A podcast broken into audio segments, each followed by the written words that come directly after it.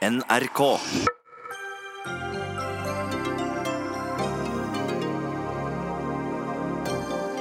«1414,6 milliarder kroner er foreslått fordelt fra regjeringens side.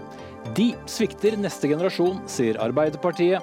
Det er et budsjett som sentraliserer Norge enda mer, sier Senterpartiet. Det er et visjonsløst og smålig budsjett, sier SV, mens MDG kaller regjeringens forslag til statsbudsjett for mer virkelighetsfjernt enn fjorårets.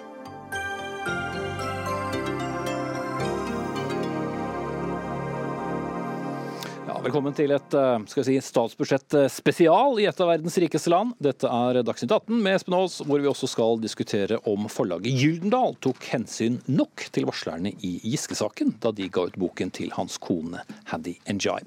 Men det blir senere. Vi skal eh, starte med denne dagen. Få dager i året er mer spennende for politikere, journalister og pressgrupper som når forslaget til statsbudsjett legges frem. 1414,6 milliarder kroner fordeles altså til diverse formål. Nærmere en sjettedel av budsjettet finansieres av oljepenger, men litt mindre enn i fjor.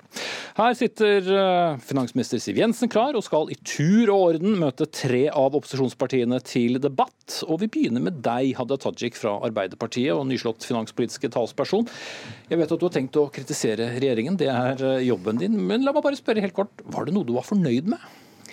Altså For Arbeiderpartiet så er det jo viktig å ta i bruk de mulighetene som finnes til å skape nye industrier og arbeidsplasser. Så jeg syns det er positivt at regjeringa eh, signaliserer en havsatsing. Vi er jo en land med, et land med en, eh, en, lang kyst eh, og store muligheter. Men jeg skulle gjerne sett mer til konkrete tiltak for å faktisk bygge industrier ut av det. Så det vil jeg jo gjerne etterlyse. Mm. Men så til det store bildet. Hva er det Arbeiderpartiet savner mest? Altså, Vi i Arbeiderpartiet vi vil jo ha et mer rettferdig og mer klimavennlig Norge, der eh, flere får muligheten til å være i jobb.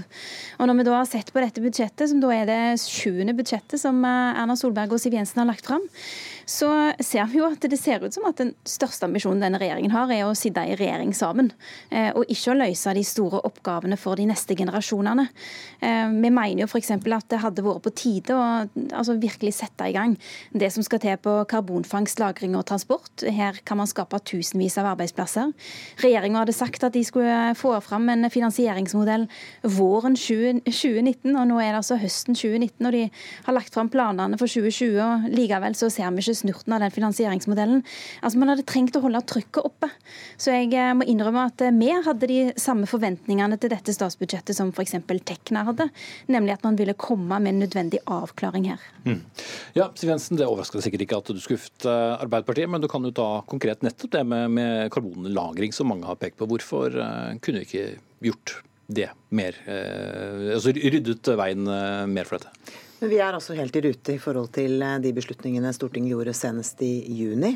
Eh, og Vi legger jo nå forholdene til rette for at vi skal kunne ta den investeringsbeslutningen så fort som overhodet mulig. Og Nå legger vi også til rette for en eh, utvikling av en oljebrønn i Nordsjøen, som eh, er et av premissene for at vi skal komme, komme mot en investeringsbeslutning.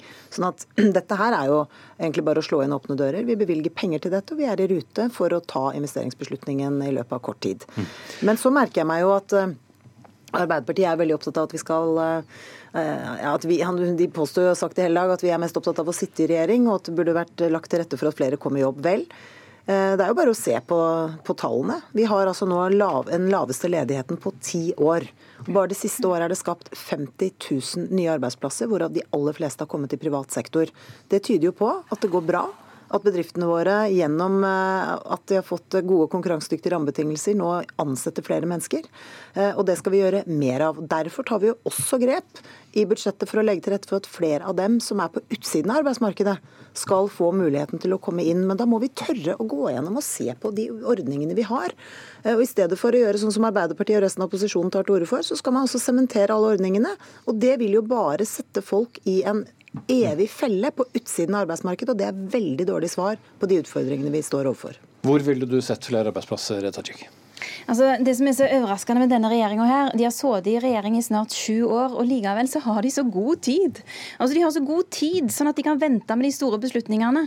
De har så god tid at det, det gjør ingenting, tenker de, om de ikke driver fram de nødvendige eh, beslutningene på karbonfangst, lagring og transport. Er det der det skulle skjedd arbeidsplassene? For eksempel, men det er flere ting som må til.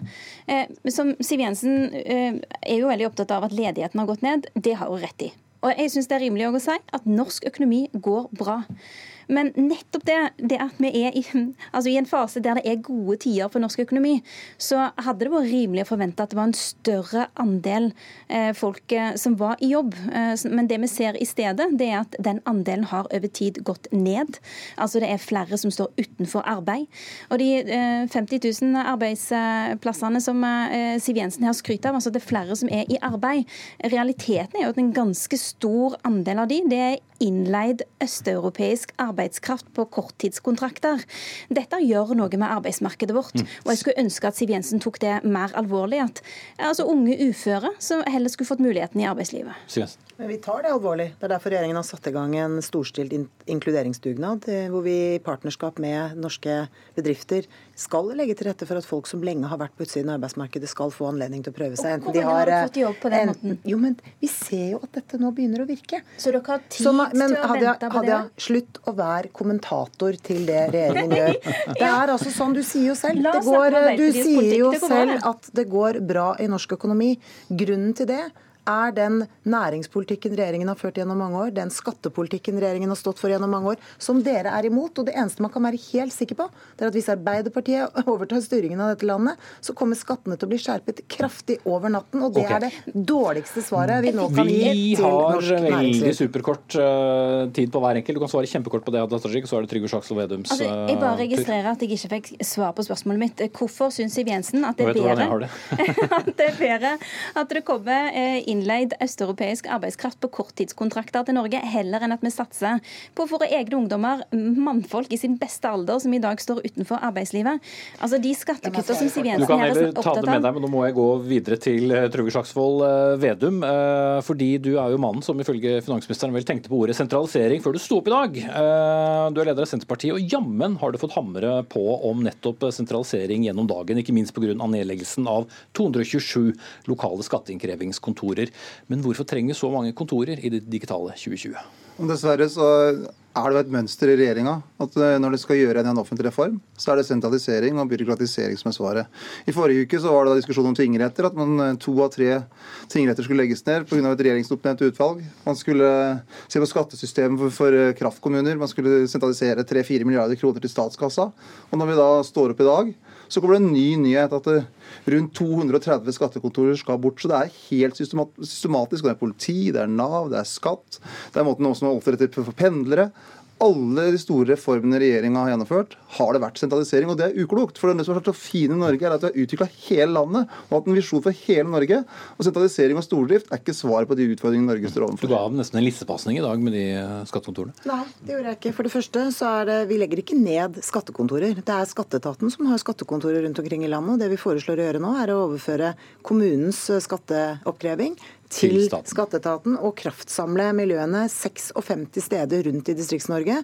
Fordi vi har et overordnet mål, og det er å bekjempe arbeidslivskriminalitet og svart arbeid. Jeg syns det er leit at Senterpartiet ikke synes å være opptatt av å gjøre det. At de heller skal opprettholde tjenester i kommunene med ett til to årsverk, som ikke har noen forutsetninger i det hele tatt for å gå etter en mer effektiv eh, arbeidsgiverkontroll, som er kanskje det viktigste våpenet som også næringslivet etterspør i kampen mot useriøse arbeidsliv og svart arbeid. Mm. Og Det er jo først og fremst i Bærum og Oslo vel som det forsvinner flest stillinger i så fall, Vedum? Her er det 237 skattekontorer. Nei, ikke skattekontorer. Som er da kommunal skattekreving, som eh, er da skatteoppkrevingskontorer, som skal da bli 56 da, ifølge regjeringa. Selvfølgelig er er desentralisering.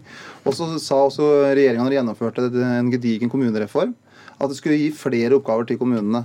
Men ved hver anledning så tar de oppgaver fra kommunene, tar bort det lokale skjønnet og mulighet for lokal fleksibilitet. Og Det sier man også, det er noe av målet med reformen. Er mer strømme, strømlinjeforming, mer byråkratisk tilnærming. For Det har nå vært noe av styrken i Norge, at vi har tillit til de som har jobba i ulike etater, at de også kan bruke det lokale skjønnet, så at du kan gjøre tilpasninger for deg og meg hvis vi har litt utfordringer. Men, jeg, men regjeringa har den troa, og det er en måte en ærlig sak. Men da mener regjeringa at det er klokt at det skal bli noen og 50 kontorer. Vi mener det er klokt at det skal være spredd rundt omkring over hele landet. Akkurat som i, i forrige uke så var det en diskusjon om okay, vi vi lar den diskusjonen ligge. Siv Jensen. Men bare først rette opp i noen misforståelser. Regjeringen har ikke foreslått å gjøre endringer i tingrettene. Vi har heller ikke foreslått å gjøre endringer i kraftbeskatningen. Selv om Vedum har prøvd å si dette i hele dag, så vet han at han snakker mot bedre vitende.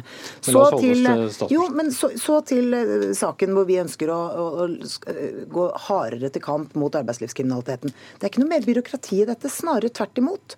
Så vil det jo bli mye bedre at alle disse flinke folkene som jobber rundt omkring i kommunene med, med skatteoppkreving i dag, kan komme inn i sterke fagmiljøer, jobbe tettere sammen med politi, med andre offentlige myndigheter, nettopp for å klare å ta flere av dem som driver useriøst i, i, i næringslivet, som bidrar til arbeidslivskriminalitet, til svart arbeid. Jeg syns det er leit at, at Senterpartiet ikke er opptatt av dette, og heller vil lage små, dårlige fagmiljøer hvor man ikke har medarbeidere hvor man kan spare med. Vedum, hva blir den store forskjellen, den negative forskjellen for eh, de lokalt i kommunene? Ja, det blir jo punkt én at det blir en sentralisering av arbeidsplasser. Det Nei, det blir det ikke. Selvfølgelig gjør det det. Når du skal legge ned 237 til noen og 50, alle kan regne, jeg tror også finansministeren kan regne, selvfølgelig blir det sentralisering av arbeidsplasser. Og så har det her vært en del av et kommunalt fagmiljø. Det har en gode, aktive kommuner som kjenner sitt eh, nærmiljø, som kan gjøre lokale grep. Også typisk hvis du har da en selvstendig næringsdriver eller andre som skal betale forskuddsskatt. Har det nært, du kan ringe hvis du har, har utfordringer, få lokale tilpasninger. og Det har vært et gode, ikke et problem at vi har hatt litt fleksibilitet i vår skatteinnkreving. Det, det, det kan du vel svare på et lokalt, eh, et, et regionalt kontor også? Ja, men du ser, men du ser hvordan, du ser, men jeg må få altså- svare ferdig der, for jeg ser jo hvordan det gjør på Nav.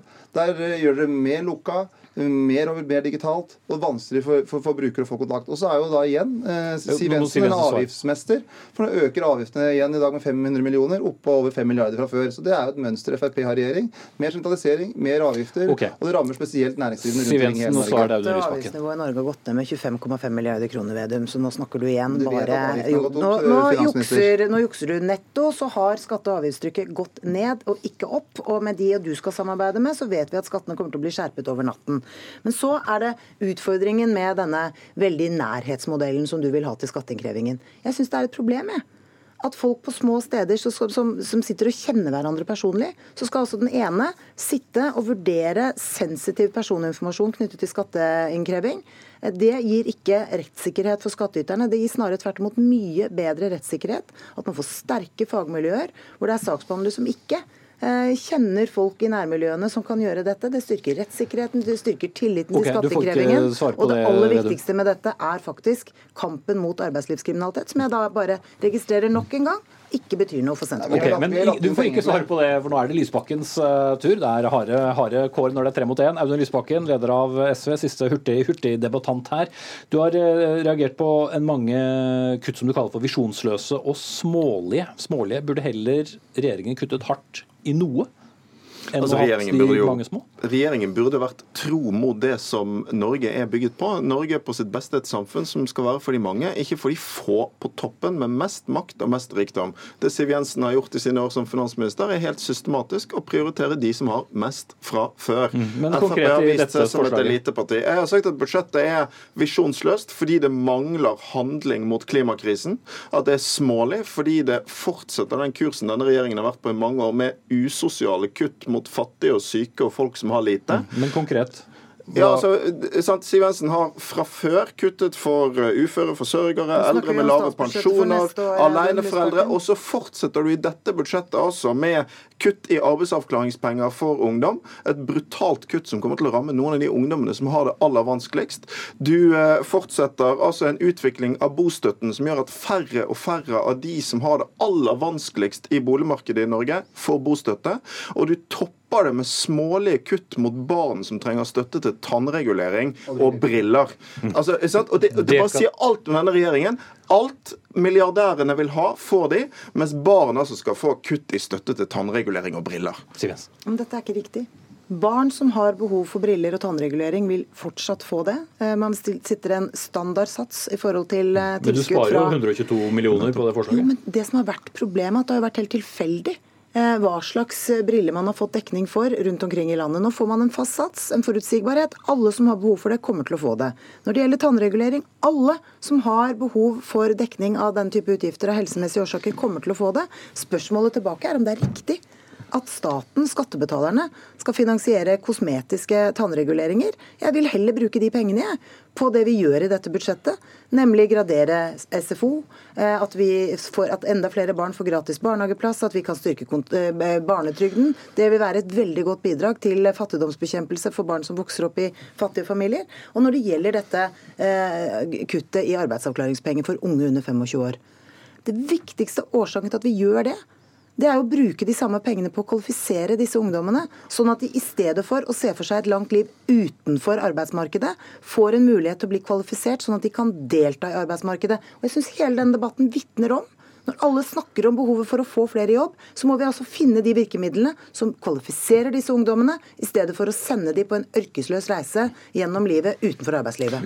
Når du kutter for folk som har lite, så får du i hvert fall stå for det når du kommer etterpå. Det er et svært kutt på briller. Det ser alle hvor mye penger du sparer på å gjennomføre det. Og det har kommet fra foreldre til handikappede, fra optikere og andre, som viser sannheten om det kuttet. Det kommer til å gå ut over uh, barnefamilier. Det kommer Bare til å gå ut over... det, da, så er det altså du dekker briller, ordinære briller opp til 1200 kroner, og spesialbriller med inntil 2400 ja, maks. i det nye forslaget. Og den sats, det, vil, bety at mange av de som har mest behov for det, får store utgifter. Og Det samme når det gjelder tannregulering. Det er ikke sånn at det, ikke, at det gis støtte til eh, barn som overhodet ikke har bruk for det i dag. Det det kommer til å gjøre nå, er å oppstå et nytt klasseskille, der altså hva slags lommebok foreldrene har, har noe å si for hva slags tannhelsetjenester du får i større grad. Det er urettferdig. Også til de, disse ungdommene på arbeidsavklaringspenger. Altså, sant? Det det du eh, altså sier, er at du skal kutte i den lille inntekten disse ungdommene har, for å finansiere bedre støtte til de i Nav. Men det kunne du jo funnet penger til på helt andre måter. Og Hvis du skal innføre det prinsippet overalt, så burde du jo nå begynne å f.eks. stille krav om at overklassen skal finansiere sine egne skattekutt. Det hadde jo vært eh, en okay. fin ordning. Men det er liksom alltid de som har minst, som skal få slite mer med deres politikk. Og det viser Nei, hvem dere er til for. Det er jeg ikke enig i. Det er altså sånn at vi legger støtten til disse arbeidsavklaringspengene på samme nivå som andre ytelser. Eh, og det er ikke rimelig at man skal få mer i støtte ved å ikke delta i arbeidslivet enn man får ved å faktisk jobbe. Så vi er nødt til å ha ordninger som kvalifiserer ungdommene våre for å delta i arbeidsmarkedet. Jeg registrerer igjen at det er viktigere for opposisjonen å bevare alle ordninger som de er, fremfor å kvalifisere flere av de som er på utsiden av arbeidsmarkedet. La meg bare stille et aller siste spørsmål til Siv Jensen, for eh, nå skal dere få slippe ut. Men hvor ble det av skattefradraget til bilistene med store bomutgifter? Det gjorde jeg klart da bompengeforhandlingene var et faktum, at vi prioriterte prioriterte nå å redusere eh, belastningen per passering i bommene, eller å få eh, slettet flere bomstasjoner. Bompengefradraget står ved lag, og det vil eh, komme på et senere tidspunkt. Da, da er speeddatingen over. Jeg tror ikke jeg har forent noen, men dere kan få forlate studio sammen. Dagsnytt 18 alle hverdager klokka 18.00 på NRK P2 og NRK2. Var eh, innom klima et par ganger i den foregående diskusjonen, men nå skal vi kun diskutere det. Dette er det grønneste statsbudsjettet noensinne, har eh, regjeringen sagt om klimasatsingen. Likevel er regjeringen langt unna å nå målene Norge har satt seg for utslippskutt. Med dagens tempo når vi utslippsmålene for 2020 først i 2030. Og Flere i opposisjonen kaller også budsjettet svik mot neste generasjon, eller for å si det med MDG, det vi trenger er sjumilssteg, men her tar regjeringen knapt nok musesteg. Men eh, Ola Elvestuen, klima- og miljøminister, hvor grønt vil du egentlig si at dette budsjettet er? For det tror jeg alle statsbudsjettet de siste årene har blitt kalt. Det er det grønneste statsbudsjettet som vi har hatt, men hvert statsbudsjett må være det grønneste i åra framover. Eh, men dette får ned utslippene, og det forsterker innsatsen på alle de områdene som vi jobber med. Altså Vi opprettholder elbilfordelene, vi er snart oppe i 50 salg. Vi har tiltak på tungtransport, som er det neste. Innenfor eh, grønn skipsfart så er jo Enova videre og det andre, men også det er nye tiltak på 100 millioner. Vi starter da innblandingen også med biodrivstoff til neste år i flytransport. Men vi når ikke 2020-målene, eller de nevnes jo knapt i, statsbudsjettet. Ja, nå snakker vi bare om 2030, fordi vi ikke når 2020-målene. Vi, opp, vi har oppjustert fremskrivingen, sånn at vi når ikke de opprinnelige 2020-målene. Nei, 2020-målene, vi, vi reduserer utslippene, så vi kommer litt under det som var i 1990. Og så må vi da kjøre videre på det som er 2030-målene. og Der skal vi legge fram en plan til neste år om hvordan vi skal få ned utslippene i Norge. Så vi når ikke første målet, men vi mener vi skal nå neste? Ja, og Dette er jo også hele grunnen til at vi også, eh, for å få et strengere regime om norsk klimapolitikk, så knytter vi oss også sterkere opp til EU. At vi har en avtale med felles gjennomføring, det samme systemet og også den samme etterlevelsen fram okay. mot 2030. Arild Hermstad, nasjonal talsperson for Miljøpartiet De Grønne. Hvor, hvor grønt vil du si budsjettet er? Altså, Jeg er ikke av de som mener at liksom, regjeringen gjør ingenting. Regjeringen gjør noe, eh, og regjeringen gjør ganske mye. Hvis de hadde hatt 200 år på seg, så ville dette vært et veldig bra og et veldig grønt statsbudsjett. Mm. Men, Men det har vi ikke. Vi har ekstremt dårlig tid, og så sent som i januar så sa Venstre at nei, vi har ikke gitt oss, vi skal fortsatt nå 2020-målet. Det fikk vi høre da. Og nå, nå, er det liksom glemt, de kommer ikke til å gjennomføre det. Og det som er trist, det er at aldri noensinne har en norsk regjering hatt så solid støtte i folket så solid mandat til å gjøre mye mm. mer. Men konkret, Men hva, altså hva, er det du savner da, Hermstad? Hva, hva, er det Elvestuen ikke har i, i sine budsjettpapirer som han burde hatt der? Det er lett å si at uh, det ikke er bra nok, men uh... Nei, altså, Vi åpnet et oljefelt uh, for et par dager siden. Det skal stå og slippe ut CO2 frem til 2072. Det skal altså slippe ut 25 ganger jo, men, og skal ikke slippe ut jo, men, CO2. Jo, men altså, det skal stå og produsere CO2 som skal slippes ut frem til 2072. Det slipper ut ut 25 ganger mer enn Norges årlige utslipp. Mm. Men det er ikke noe kunne gjort i statsbudsjettet? Jo, men poenget er, jo, men poenget er at uh, oljeinvesteringene de må tas ned. Vi må slutte å lete etter olje. Verden har funnet mye mer olje, gass og kull enn det vi kan brenne. Men nå snakker du om noe annet enn det statsbudsjettet omhandler. Statsbudsjettet omhandler hvordan vi skal få ut utslippene i Norge. Og der har vi tiltak på alle homerområdene. Vi har den raskeste oppstillingen innenfor transport som er i verden, og vi leder an i det arbeidet. vi fikk også satt fram det som går på flytende havvind. Men det er også sånn at når vi har 80 ferger som skal komme inn og tas i bruk i Norge, når vi har prosjekter på hurtigbåter, så må disse skipene også faktisk bygges. Og de kommer i 2021, 2022 jo, men La meg stoppe der. For når vi da ikke overhodet klarte å, nå målene for 2020, hvorfor skal vi da stole på at ja, dere må, når målene for 2030? Det er feil å si at vi overhodet ikke. Og jeg sa som jeg har sagt tidligere, jeg forholder meg til 2020-målene for å forsterke innsatsen og komme så nære som vi skal. Ja, det, viser, det vil vise seg hvor nærme vi kommer, viser seg når vi er ferdig med 2020 og vi får målt hvor store disse er. Men, Men dette er veien mot 2030. Vi må ha mye sterkere innsats. og Det er ikke sånn at man kan bruke 200 år, det sier, vi, sier ikke vi heller. Vi sier vi skal ha minst 45 okay. innen 2030. Og målsetningen, og vi sier også at klimaloven i Norge skal forsverkes til 90-95% utslippskutt innen 2050. Da må all fossil drivstoff bort. Og vi er og, og, godt i gang for å få og det til. Dere MDG har jo sagt at regjeringen gir med den ene hånden og tar med den andre. Hvor konkret eh, kan du være på det? Eh, det som er veldig konkret, er jo CO2-avgiften som økes i veitrafikken. Samtidig som man nå setter ned veibruksavgiften, sånn at det koster akkurat like mye å kjøre bensin- og dieselbil i 2020 som det gjorde i 2019. og det er jo ett eksempel For det blir dyrere å bruke bil, det blir dyrere å bruke bil, men det blir dyrere å bruke veien?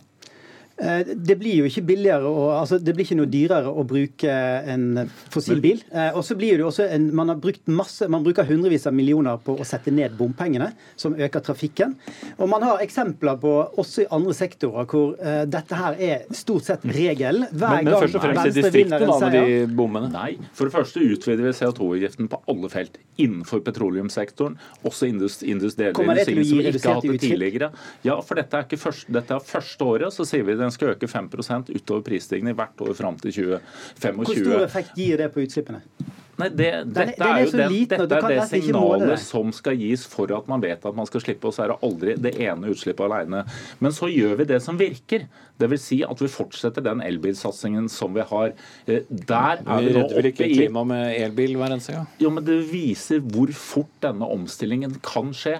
Norge ligger langt foran målsettingen som noen andre land har. Vi er eksempler på hvor fort dette kan skje, og nå må det over i tungtransport og skipsfart. Ja, virkelig kunne eksempel gjort at vi, vi så nedgang i, i utslippene, er jo karbon fangst. Flere har jo kritisert at dere ikke har kommet lenger der. Det er det ingen grunn til å kritisere. Vi følger den framdriften som vi har, med den grundigheten som det kreves, med de prosjektene både på Klemetsrud og Norcem, sånn at vi kan ta en investeringsbeslutning nå i 2020 eller 2021. Og Det som er viktig her, er jo nettopp at du har nødvendig grundighet, sånn at dette realiseres. Men vi har jo litt dårlig tid, som sikkert Hermstad vil si, men kunne de altså Vi har ikke noe sted å lagre det. Vi kunne ikke bare vedtatt Nei, stor da. det er jo derfor disse investeringene må komme nå, sånn at vi får et sted å lagre de. og vi må altså, Den fremdriftsplanen har blitt uthulet hele tiden. Ambisjonsnivået er på vei nedover. og det som er Problemet er at, problemet til Venstre er at de er, de er i regjering med flere partier som ikke har det så veldig travelt. De går jo ut og sier at nei, vi må ikke gjøre dette for raskt. Men det er, men det er, det er rett og slett motsatt. Vi må gjøre det mye raskere enn det vi gjør i dag. Det, er, problemet. Det er med borgerlig flertall vi har fått vedtatt at vi bare skal selge nullutslippsbiler i 2025. Det er med borgerlig flertall det er sagt alle busser skal være det samme. Det er med borgerlig flertall vi har fått enighet med EU. vil du aldri fått på andre sida. Og det er med borgerlig flertall vi også driver fram den eh, CCS og den karbonfangst og -lagring som vi har okay. i Norge. Og den har er, den grundigheten den trenger. Men det er, det, er, det er med borgerlig regjering. Vi har hatt seks år, og dere har klart å kutte 2% i utslippene. Hvorfor skal vi tro at dere har tenkt å gjøre det bedre de neste årene? Det er jo det du må svare på, og som regjeringen ikke har gode nok svar på. Fordi den planen legges frem i begynnelsen av neste år, og vi skal ned uh, mot 50% mot 2030. Ola Elvestuen, klima- og miljøminister fra Venstre, og Arild Heimstad, nasjonaltalsperson for Miljøpartiet De Grønne.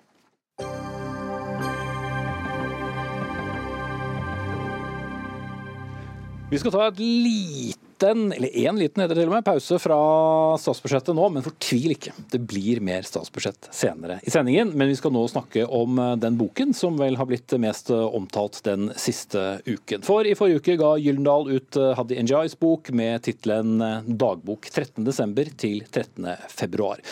Og hvis du ikke har fått det med deg, så handler boken om hvordan det var nettopp for Njai da det stormet rundt hennes ektemann Trond Giske i forbindelse med varslene om upassende oppførsel forespørsel som ble sendt til partiet. Og Nå stormer det da rundt denne boken, eller dagboken om du vil. Flere varslere har reagert på den, som vi hørte i helgen. Og også du, Jens Kiel, kommentator i Bergens Tidende. I et innlegg i egen avis så skriver du, eller kaller det hele for en blytung bør på varslerne. Mm. Hvordan er det?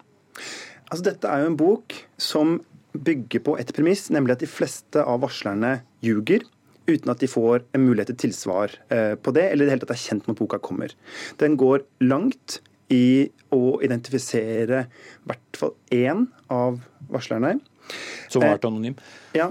Eh, den setter fram en rekke påstander som ikke blir begrunna, eller som folk får mulighet til å tilbakevise, og som delvis også er feilaktige. Den bygger på et premiss om at det er en maktkamp og ikke faktiske varslinger veldig mye det handler om. Og Denne boka gjør det vanskeligere å være varsler i Norge. Men er det så overraskende når du tenker på hvem som har skrevet boken? Altså, boka, men Norge trenger denne boka. Det er riktig at dette paret gir ut en eh, bok om hvordan det har vært å stå i det som jeg tror må ha vært et helvete, for å snakke på uNRK-sk.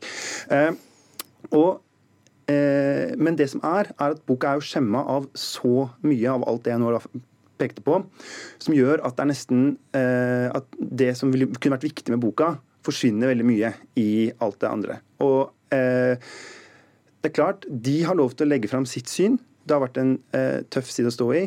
Men det at de f.eks. Eh, bare hiver ut at flere av varslerne ljuger, Eh, sånn at de skal våkne opp bare en dag og få vite at oi, i dag kommer det ut en bok hvor jeg blir stempla og hengt ut som en løgner. Det er ganske heftig kost. Det er mm. ikke noe vi ser ofte i Norge, heldigvis. Katrine Sandnes, sjefredaktør for uh, sakprosa i Gyldendal. Uh, hva sier du til kritikken fra Kiel? Aller først vil jeg påpeke at det er ikke dette paret som har utgitt bok, det er Haddy Njay. Jo da, det er hennes navn som, som står der, men, ja, men, tett på også. Men det, er, men, men det er faktisk hun som er forfatteren av denne boka. Det andre er, det andre er eh, det er ganske mange påstander eh, Jens Kiel fremmer her. Det ene er at det er konkrete påstander som er feilaktige. Eh, her må han rett og slett være mye mer konkret enn han, har, enn han har vært til nå. La meg snakke ferdig.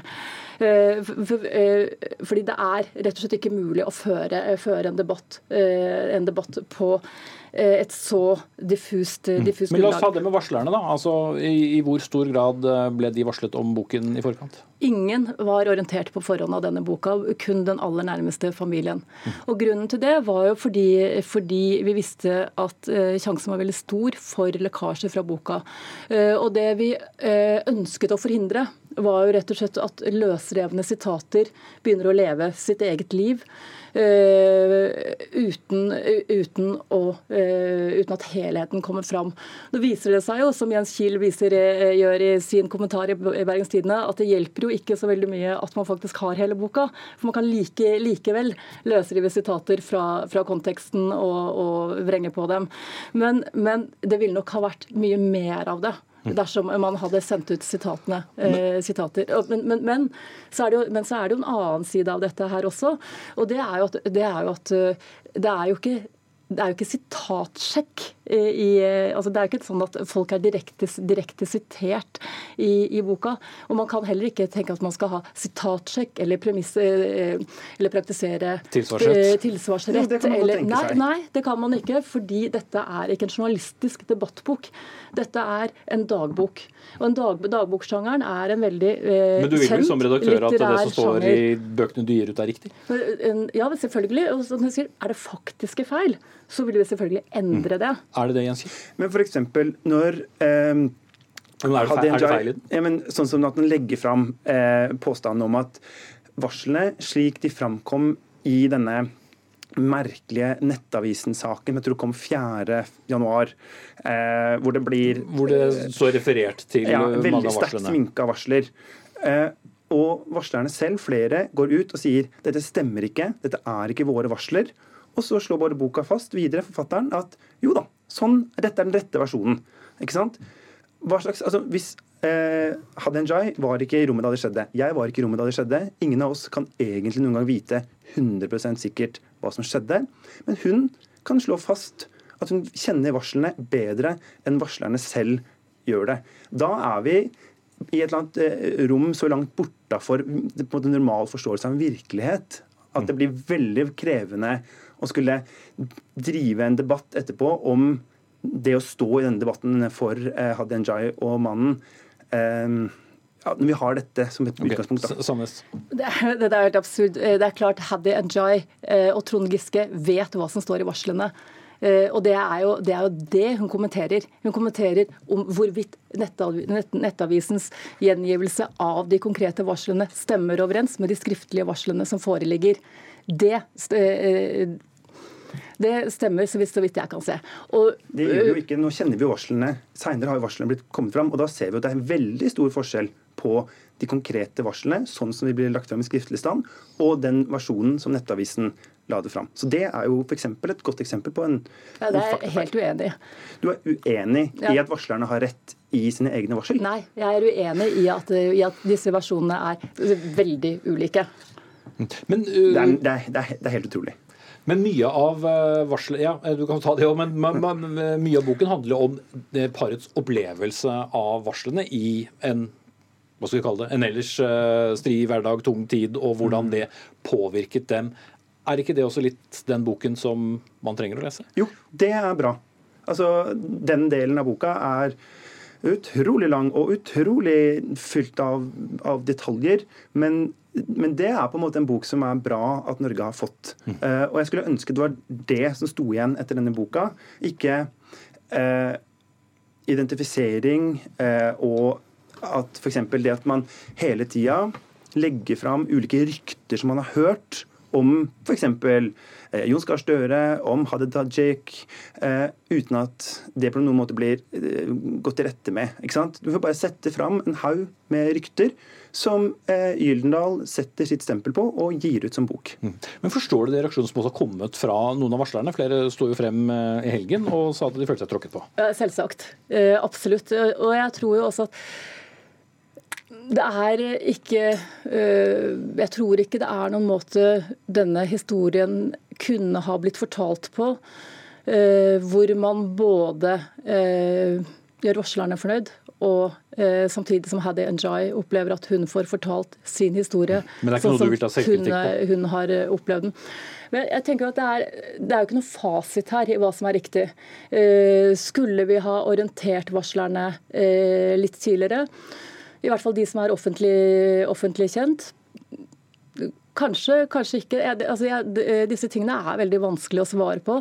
Men, men det, at, det at Haddy Njay får fortelle sin historie som et tilsvar etter å ha vært utsatt for, eller etter å ha opplevd eh, over 6000 medieoppslag, som betyr over 100 oppslag i løpet av eh, altså hver eneste dag i to måneder, det er jo eh, for så vidt rett og rimelig. Men det var jo ikke det du var uenig i heller?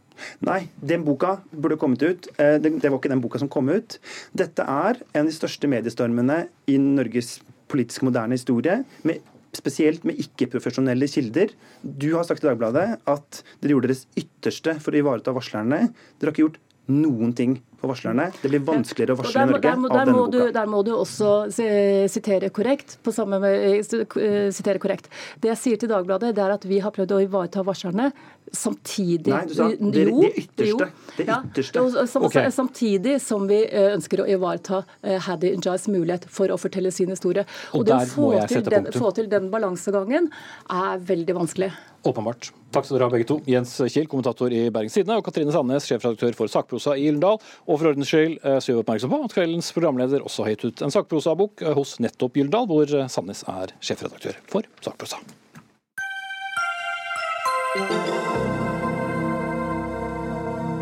Vi skal tilbake til forslaget til statsbudsjett og en sak som har fått en viss oppmerksomhet. For i forslaget så foreslår regjeringen å fjerne avgiftsfritaket på netthandel fra utlandet på varer under 350 kroner. En ganske omdebattert eh, sak gjennom mange år. Men samtidig så foreslår også regjeringen tollfritak på handel med klær på opptil 3 000 kroner. Og Ivar Hornland Christensen, administrerende direktør i Virke, dere representerer da store deler av handelsnæringen i Norge.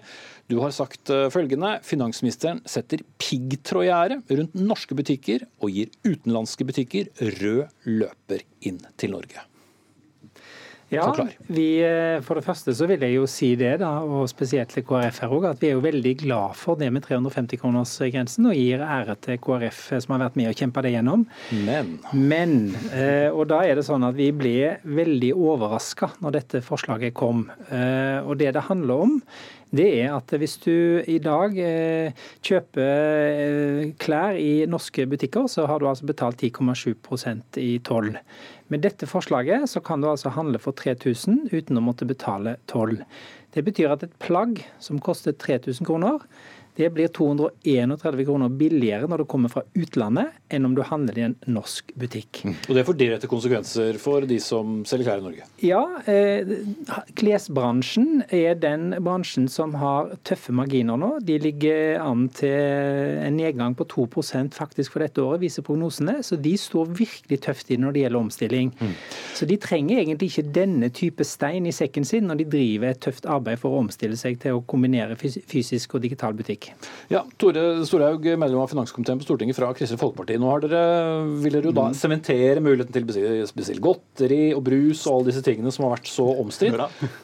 Men så vil du gjøre da klesutsalgene en bjørntjeneste i stedet?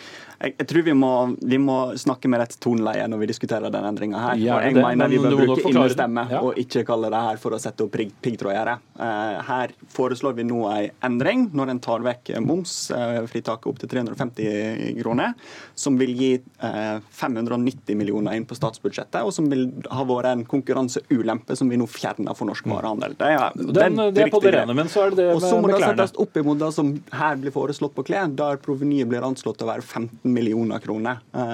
Fordi da, her gjelder et veldig fåtall land, siden hele Europa har vi frihandel. Men er anslått til 15 millioner kroner, så nå mistet du omtrent alle som hørte på. Hva betyr det konkret? det betyr at vi forventer å få inn 15, eh, å tape 15 millioner kroner på det å heve tollgrensa så mye. Og Grunnen til at det tallet er så lite, det handler om at eh, det er veldig begrensa tekstiltoll i dag. Norge har en låg tollsats i utgangspunktet, og den gjelder bare for et fåtall land. Alle av de fattigste landene i verden er unntatt, alle i Europa er unntatt pga. EØS-avtalen, og alle land nå har, har en frihandelsavtale med. Så det er ikke så ille som Virke sier, at vi nå bare kan sette oss ned fra 1.4 neste år og bestille klærne fra utlandet for å spare penger? Jeg mener vi skal bruke innestemme i denne debatten her, for, for eh, det er noe med skalaen som jeg syns Du hadde jo for så vidt uh, innestemme når du sa det, Christensen, men, uh, men uh, skyter du med spurv Nei, skyter du med kanon på spurv? Nei, jeg har innestemme. Og realiteten er den at 75,6% av de klærne som kommer, kommer fra Asia.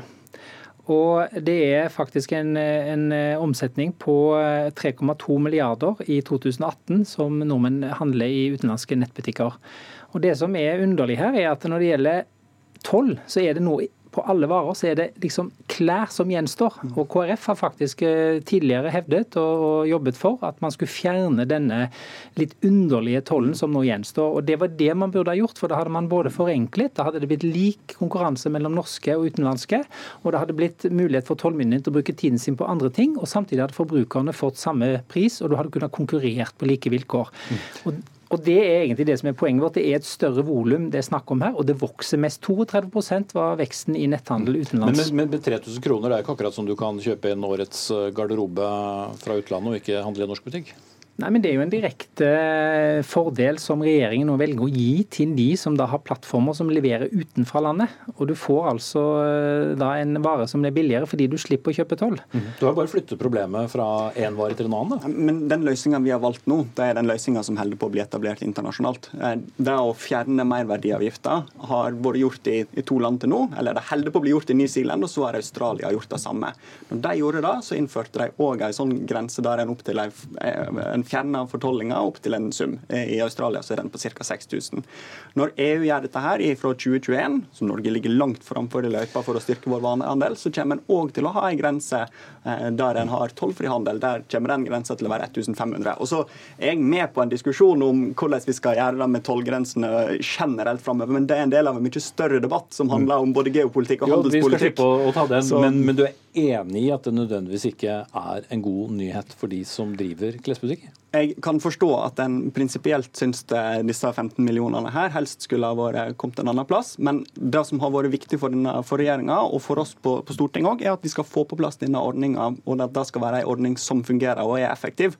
Da er det denne løsninga en har sett til i andre land, og det er denne løsninga de store aktørene har sagt seg villige til å være med på. på da er det viktig at vi klarer å få det til. Nei, jeg synes at Når marginen i kleskjeden har falt fra 6,2 til 2,6% fra 14 til 18, og vi nå da fjerner 350-kronersgrensen, så burde man beholdt seg til det prinsippet at man la like vilkår til grunn. og Da er det stort spørsmålstegn og underlig at regjeringen da legger opp til denne forfordelingen av de som kan levere utenfra, når, når netthandelen vokser så mye som den gjør. Og dette kommer til å true de butikkene som driver på ordentlig lovlig vis her hjemme, som da får en konkurranseulempe og stein i skoen som de ikke skulle hatt. Ok, Vi setter eh, strek der. Hvis eh, det blir vedtatt, så gjelder det altså fra 1.4 neste år. Takk til Ivar Hornland Christensen, administrerende direktør i Virke, og Tore Storhaug, medlem av finanskomiteen fra Kristelig Folkeparti. Hør Dagsnytt 18 når du vil. Radio NRK Radio.nrk.no.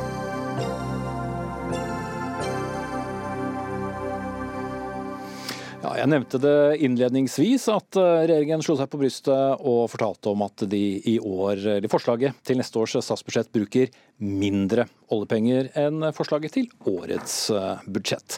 Oljepengebruken den reduseres fra 2,9 til 2,6% den, og det skal brukes 243,6 milliarder oljekroner neste år men det er bare en forskjell på om lag to milliarder. De har fått mye skryt for dette, men Seiler Hansen, administrerende direktør i Norsk Industri, du var ikke så begeistret, brukte helt andre ord, og skulle i hvert fall ikke skryte, for du sammenligner det hele med å Unnskyld uttrykket, eller var det du som sa det? Pisse i buksa. Ja, og det det går på er jo at Alle er jo klar over at vi går inn i en periode nå hvor eh, inntektsstrømmen fra olje og gass til staten blir mindre. Samtidig så vet vi at vi får en eldrebølge som øker utgiftene på den sida. Og Da er det viktig at vi nå begynner å holde igjen, og heller jobbe med hvordan vi skal få opp produktiviteten i velferdsproduksjon. Hvordan vi kan drive AS Norge billigere enn det vi gjør i dag. Mm. Hvor ville du sett uh, kutt? Jeg vil, jeg vil ha kutta generelt på, på, det som er den, altså, statens løpende utgifter. Altså, må, vi må rett og slett De offentlige utgiftene, ja, helse osv.? Ja, fordi at altså, Norge drives nå med en statsbudsjett på 1300 milliarder kroner, og så driver Sverige, Sverige med langt flere innbyggere for 900 milliarder. og Det er klart at det er ikke noe logikk at vi skal ha et så mye dyrere drift av vårt samfunn enn det svenskene klarer å drifte sitt samfunn for. Og Hvis vi ikke tenker sånn, hvis vi utsetter det for lenge, så blir det veldig vanskelig å rydde opp den dagen vi må gjøre det, for vi skyver et strukturelt underskudd foran oss. Mm. Noen må ta regninga. Jan Ludvig Andreassen, sjeføkonom i Eika-gruppen. Du er ikke så enig med Steinlir Hansen? Nei. Eh, for det første er det gode grunner til at eh, vi har mye rausere statsbudsjett enn svenskene. Det er fordi vi er mye rikere, og arbeidskraften er mye dyrere. Og rike, rike, mennesker, rike, mennesker, rike, mennesker, skal bruke mye penger. eh, men, men nei, altså, jeg, jeg, har egentlig ikke så veldig mye om Hvis du kan gå tilbake til Jaglands uttrykk 'Det norske hus' da, og si at uh, dette statsbudsjettet er et slags hus. Uh, kan alltid si noe om prioriteringene og vinduer og innbo i det huset. Det kunne sikkert vært gjort bedre eller annerledes. Men det som er mitt anliggende, og det er jeg veldig opptatt av i disse dager, det er å fortelle folk om at uh, verdensøkonomien er veldig sårbar. Det ser veldig bekymringsfullt ut. Rentemarkedene er helt skrekkslagne for hvordan det skal gå neste år. Og da er liksom å bruke et par milliarder fra eller til, det er en pølse i slaktetida. Mm. Men du er enig i resonnementet til Stein Lier Hansen at offentlige utgifter i Norge er store, og at du plutselig så er vi på et tidspunkt hvor noen må gjøre et kutt. Også fordi eh, det er uro i eh, verdensøkonomien? økonomi? nei, det tror jeg ikke. Men vi, kan, vi, må vokse mindre enn det vi har gjort. Eh, jeg har kalt det et sånn Japan-Sveits-scenario. Altså vi er et veldig rikt land. Eh, og, men det gode veksttårnet er bak oss. Eh, og vi skal ikke ha den veksten i levestandard vi tidligere har hatt. Eh, og så tror jeg det blir en veldig krevende omstillingsperiode fra olje til andre næringer. Men, Men, en liten den, avkjøling av nærværet da, mener du holder? Du trenger ikke de store kuttene som, som Nei, de kjøler seg av seg selv. Og de offentlige budsjettene kommer til å fortsette å være rause i tiden fremover. Jeg tror budsjettet sprekker til våren fordi at vi merker i nedgangstider. Faktisk fått dårlige industritall allerede i dag. Mm. Men det viktigste her tror jeg er å få frem Krona svekker seg markert. Den har svekket seg hele høsten, svekker seg kraftig i dag. Og rentene faller. De stiger ikke. Og Det er et tegn på at regjeringa ikke har tatt fart i. Mm.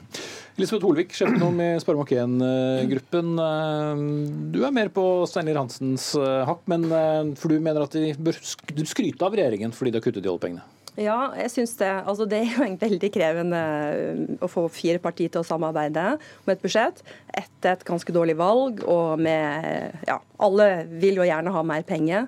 Men altså, jeg er helt på linje med Industri Norge. Vi vet at dette kommer til å bli veldig krevende. Vi skal omstille oss fra en næring som har hatt superprofitt, til næringer som alle andre land konkurrerer om. Det er 1,4 milliarder sultne kinesere der ute som vi da skal konkurrere med for å skape nye arbeidsplasser. Så jeg tror vi skal innse alvoret eh, og begynne jobben med å omstille norsk og, og lage enda bedre eh, til rette for Men det er bare snakk om et par milliarder i forskjell fra et budsjettår til annet. Får det så mye å si? Nei, men det de gjør som jeg syns er bra, det er at de begynner å redusere i eh, en del velferdsgoder og tar den diskusjonen. Det er en upopulær diskusjon. Mm. Men at en får fram det, at en, det skal koste noe ikke å stille opp til en legeti, eh, til et eh, operasjon som er planlagt, og som egentlig er gratis. Mange stiller ikke opp. Det må begynne å svi på pungen. Mm. Det at du har kutter i eh, ytelser som låser ungdom inne i utenforskap, utenfor arbeid, veldig viktig at en tar tak i. Eh, og at en begynner å jobbe med å redusere de permanente utgiftene til staten, samtidig som en kunne ha gjort mye mer når det gjelder å forbedre virkemiddelapparatet. Men i gode år skal vi bruke mye penger, og i en dårlig år skal vi spare, Nei. eller hvordan var det? Nei, Nei, vi skal jo ned nå. Og det, der, og det at de greier å, å, ha en negativ budsjettimpuls, at de greier å holde litt igjen på pengebruken, inn i en to år lang valgkamp, det er ikke så verst, altså. Så de skal ha kred for det. Men selvfølgelig, hadde det vært opp til meg, så hadde den gjort mye, mye, mye mer. Men Steinler Hansen, du som organiserer da store, tunge industribedrifter. Hvorfor er det viktig for deg at eh, det kuttes i offentlige budsjetter? Jo, for Er det noe vi frykter, så er det to ting. Det er en ekspansiv eh, finanspolitikk kombinert med en rentepolitikk som går den gærne veien. Altså Vi øker renta, Norges Bank øker, øker renta, de andre setter ned renta.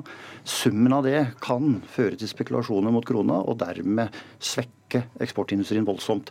Men det er ikke snakk om bare noen to-tre milliarder. Det er også snakk om det som Siv Jensen starta med som finansminister i Solberg, første Solberg-regjeringa. Da satte jeg i gang en produktivitetskommisjon. Og den har vist over enhver tvil at produktiviteten i det norske samfunnet er for svak. Og det er det som er min kritikk. En må jobbe med å få produktiviteten i sektor for sektor, ikke minst i forhold til offentlig eh, virksomhet. Altså Vi må ha mer velferd per krone, vi må ha mer veier per krone. Og det tar de ikke tak i, på tross av at analysen er krystallklar. Var jo ble, ble ledet av professor Ratsø, og han sa rett ut at det var bare én sektor som kunne vise en god nok produktivitet, og det var eksportindustrien. Mm. Andreasen. Nei, altså, jeg tror man skal huske på at De siste ti årene så har gjennomsnittlig foliorente i Norges Bank vært 1,25. Og de neste ti årene priset i natten vil ligge på 1,25. Så markedene har tatt det veldig med ro og priser faktisk inn av renta vi kommer til å bli kutta etter dette budsjettet her. Så jeg er ikke noe sånn spesielt bekymret for at krona skal plage oss krona strekker seg nye, til nye bunner i dag. Det er jo vært egentlig en eh, nesten urovekkende svak krone for med, i mange sammenhenger vi har i dag. Mm. Men, og, og så, så, vil jeg også si at uh, vi skal ikke konkurrere med kineserne. Vi skal ikke konkurrere med folk som tjener 40 000 kroner i året. Vi må gjøre noe annet enn det kineserne gjør. Jo, men jeg skjønner fortsatt at du som økonom ikke er enig i resonnementene med at vi bør eh, være mer effektive og få mer ut av hver krone, som Steinlir Hansen det, det kommer av seg selv. Vi er en av verdens mest effektive arbeidsstyrker. Vi har det. Og fortsatt skal vi bli enda litt mer effektive. Men når du først er blitt verdens mest effektive, så er det ikke så lett å forbedre seg. Men noe bedre blir vi. Altså dette er, vi får ikke noe krakk og krise i Norge, men vi får mye lavere vekst. Og vi får antagelig, spør du meg, så får vi også mye lavere renter i årene som kommer. Mm. Altså, jeg tror Den eh, svake kronekursen er jo et signal om at det er ingen som har veldig stor interesse av å investere i Norge. Og Det som står bak en valuta, det er jo i realiteten evnen en har til å skattlegge befolkningen. Og jeg tror det er det vi begynner å se starten på nå. at det er Offentlig sektor er stor og dyr, og hva skal vi skattlegge mer? Vi ser at det er motstand mot eh, bompenger.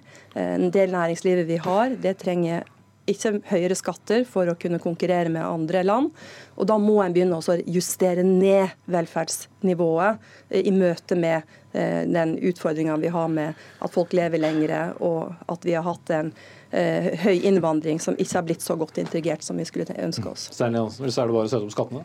Det er så klart ikke det. og det er det som er Frykten for oss det er at hvis du ikke får kontroll med den offentlige økonomien, så skal den finansieres gjennom høyere skatter og avgifter. og Det ser vi jo for så vidt også i det budsjettet som er lagt fram i dag. Men det å påstå at ikke vi vil komme i konkurranse med Kina, er jo en fullstendig misforståelse. Hvis du ser på vekstnæringen, ta havbruksnæringa, beinhard konkurranse nå fra Kina. De bygger ut enormt. Se på hele skipsverftsindustrien vår, på teknologiindustrien. Kina er en tøff konkurrent, og vi, okay, kan, vi kan, ikke ha så dårlige vilkår at vi ikke kan konkurrere. Vi kan diskutere Kina en annen gang. Veldig kort til slutt, Andreassen, siden du er litt uh, en mot røkla her. Poenget vi skal ikke ha velferdskutt, vi skal kun la offentlig sektor ese ut, og det er pga. eldrebølgen. I dag er det over 200 000 av de offentlige ansatte som jobber i helsesektoren, og de kommer garantert til å bli mange mange flere i årene som kommer. Mm. Ok, vi får se hvem av dere som får rett. Uh, Jan Ludvig Andreassen, sjeføkonom i Eika-gruppen. Uh, Elisabeth Thorvik, sjeføkonom i Sparebank1-gruppen. Og Stein Lier Hansen, administrerende direktør i Norsk Industri.